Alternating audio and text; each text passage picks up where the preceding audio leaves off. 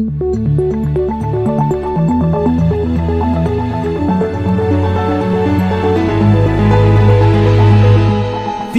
This Morning.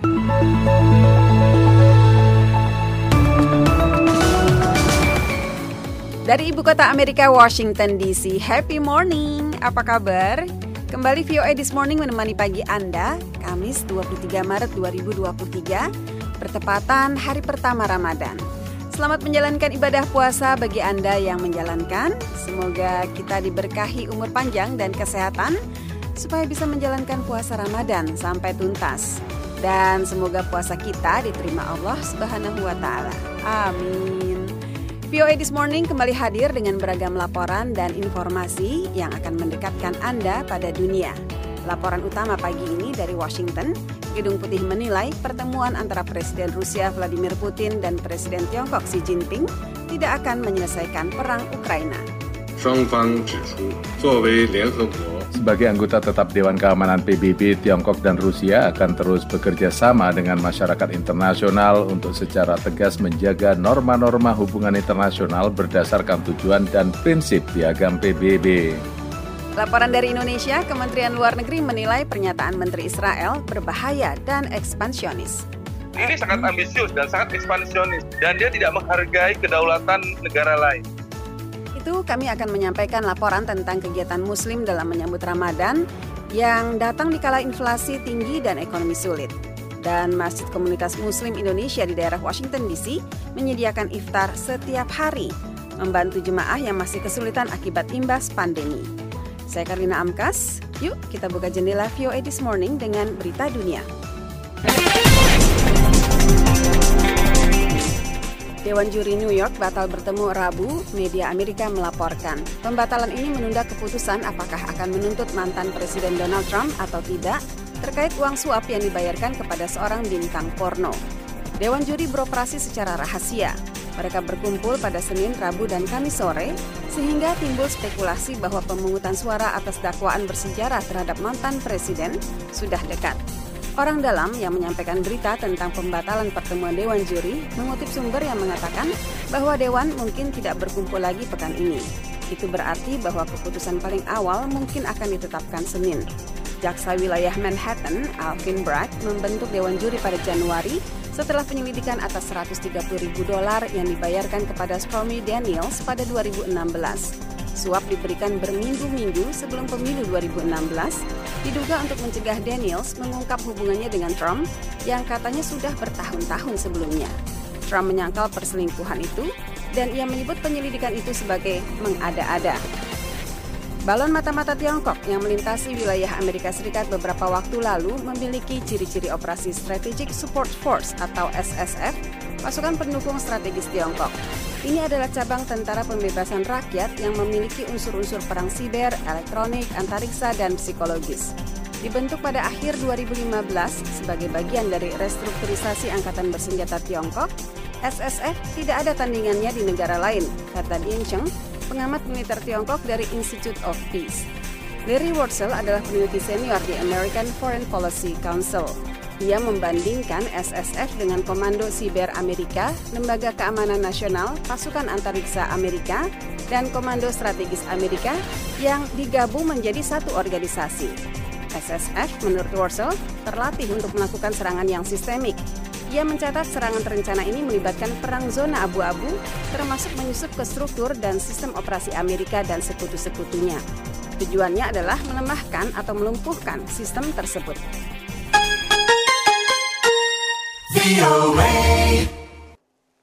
Para pengungsi Rohingya mengatakan Rabu mereka meragukan ketulusan tawaran Myanmar untuk pemulangan mereka. Reaksi itu dinyatakan setelah juru bicara junta militer negara itu mengatakan akan mulai menyambut kembali anggota minoritas yang teraniaya itu sesegera bulan depan. Satu delegasi yang terdiri dari 17 pejabat dari junta Myanmar berada di Bangladesh minggu ini untuk mewawancarai para pengungsi yang berpotensi untuk kembali lebih dari lima tahun setelah tindakan keras militer yang brutal membuat banyak orang Rohingya melarikan diri. Kunjungan tersebut yang ditengahi Tiongkok dan sebagian difasilitasi oleh PBB memulai kesepakatan repatriasi antara kedua negara yang tidak mengalami kemajuan selama bertahun-tahun, antara lain karena kekhawatiran bahwa para pengungsi tidak akan aman ketika kembali. Tetapi warga Rohingya yang diwawancarai delegasi mengatakan kepada kantor berita AFP bahwa tidak ada pertanyaan mereka tentang keamanan atau pengakuan hak kewarganegaraan mereka di Myanmar yang dijawab. Kementerian Pertahanan Taiwan sedang menyelidiki situasi seputar seorang tentara yang tidak melapor dari posnya awal bulan ini. Ia dilaporkan oleh penguasa ditemukan di Tiongkok. Tentara itu, Chen Xiahun, usia 26 tahun, ditugaskan di pulau kecil Erdan, bagian dari gugusan Pulau Kinmen. Pulau itu terletak antara 4 dan 5 km dari Xiamen, kota pelabuhan di Tiongkok. Pos ini merupakan pertahanan garis depan untuk mencegah invasi Tiongkok. Chen tidak menjawab roll call atau panggilan untuk melapor pada 9 Maret. Ia pun tidak ditemukan ketika dicari, kata Jenderal Zhang Rongxun, Direktur Urusan Politik Komando Pertahanan Kinmen. Dewan Urusan Daratan Taiwan pada 13 Maret mengatakan Tiongkok memberitahu, memberitahu Taiwan bahwa Chen berada di Tiongkok. Kementerian Pertahanan Taiwan mengatakan setiap anggota militer yang terbukti membelot akan menghadapi konsekuensi hukuman yang berat. Pihak berwenang Aljazair telah membongkar jaringan internasional yang menghususkan diri dalam perdagangan manusia melalui Aljazair ke Eropa. Lapor media lokal pada Rabu. Badan yang mengkhususkan diri dalam menangani kejahatan terorganisir menangkap sembilan warga Suriah dan enam warga Aljazair yang diduga menjadi anggota kelompok yang memperdagangkan warga Suriah dan Lebanon, kata laporan itu. Jutaan warga Suriah telah tercerabut dari tanah air mereka akibat perang selama 12 tahun di negara itu dan hampir satu juta berada di Jerman. Warga Lebanon juga melarikan diri dari keruntuhan ekonomi negara mereka. Demikian berita dunia VOA Washington.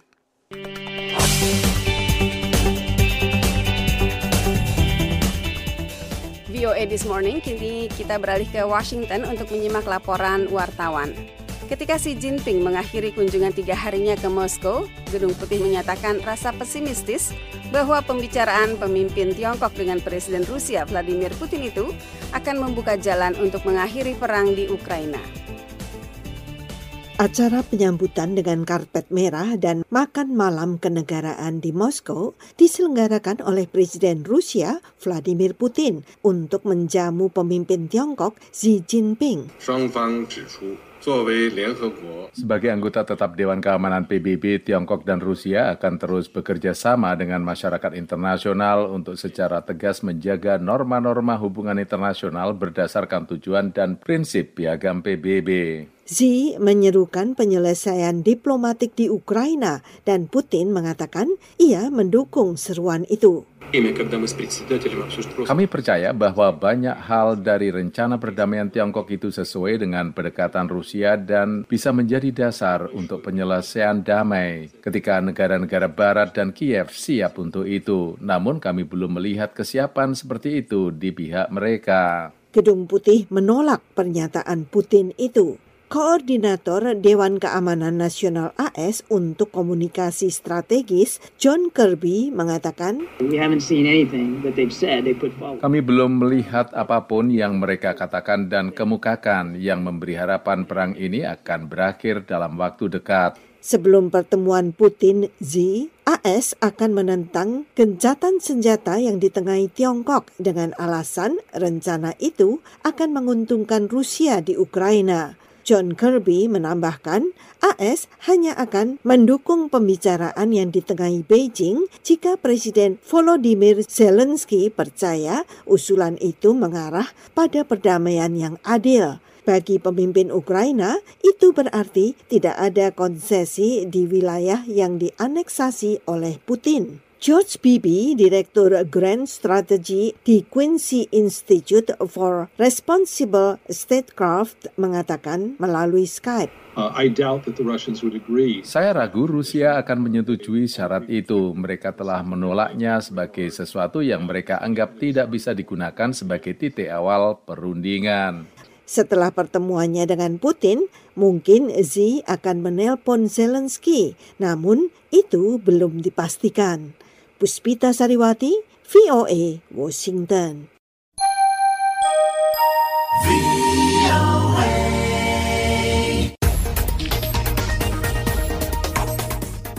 VOA. This Morning beralih ke New York untuk laporan kedua, PBB Rabu membuka konferensi pertama tentang keamanan air dalam hampir setengah abad dengan seruan kepada pemerintah-pemerintah di seluruh dunia agar mengelola dengan lebih baik salah satu sumber daya bersama umat manusia ini. Perempat populasi dunia bergantung pada air minum yang tidak terjamin kebersihannya, sementara setengahnya kekurangan air untuk sanitasi mendasar, kata PBB. Sementara itu, hampir tiga perempat bencana alam baru-baru ini terkait dengan air. Kita menguras sumber kehidupan manusia melalui konsumsi air yang berlebihan dan penggunaan yang tidak berkelanjutan dan menguapkannya melalui pemanasan global, kata Sekretaris Jenderal PBB Antonio Guterres. Memastikan akses ke air minum bersih dan sanitasi adalah bagian dari daftar 17 hal yang harus dilakukan PBB untuk pembangunan berkelanjutan di samping mengakhiri kelaparan dan kemiskinan, mencapai kesetaraan gender dan mengambil tindakan untuk mengatasi perubahan iklim. Sementara itu, untuk menandai Hari Air Sedunia, Paus Franciscus hari Rabu mengimbau agar pemborosan dan penyalahgunaan air tidak dilakukan. Mengutip Santo Franciscus dari Assisi Laudato Si, Paus Franciscus mengajak umat beriman untuk mendoakan keberhasilan konferensi air PBB yang berlangsung di New York. Oggi si celebra la giornata mondiale dell'acqua. Laudato Si, mi Signore, saya berharap acara penting ini akan mempercepat inisiatif untuk mendukung mereka yang menderita kelangkaan air dan mengamankan aset utama ini. Air tidak dapat menjadi objek pemborosan atau penyalahgunaan atau alasan untuk berperang. Tetapi harus dilestarikan untuk kepentingan kita serta generasi mendatang. Amerika Serikat telah menjanjikan 49 miliar untuk ketahanan air di dalam negeri dan seluruh dunia. Duta Besar Amerika untuk PBB Linda Thomas Greenfield menyampaikan pengumuman itu Rabu menjelang konferensi air PBB 2023 di New York. I am proud to announce that the United States is committing 49 billion dengan bangga, saya umumkan bahwa Amerika Serikat menyediakan 49 miliar dolar untuk investasi air dan sanitasi yang setara dan berketahanan iklim di dalam negeri dan di seluruh dunia. Investasi ini akan membantu menciptakan lapangan kerja, mencegah konflik, menjaga kesehatan masyarakat, mengurangi risiko kelaparan, serta memungkinkan kita menanggapi perubahan iklim dan bencana alam. Laporan pengembangan air dunia PBB 2023 yang diterbitkan selasa menjelang konferensi besar pertama PBB tentang air memberikan gambaran tentang kesenjangan besar yang perlu diatasi untuk memenuhi tujuan PBB guna memastikan semua orang memiliki akses ke air bersih dan sanitasi pada tahun 2030. Dari VOA Washington DC, saya Leona Triono. The Voice of America.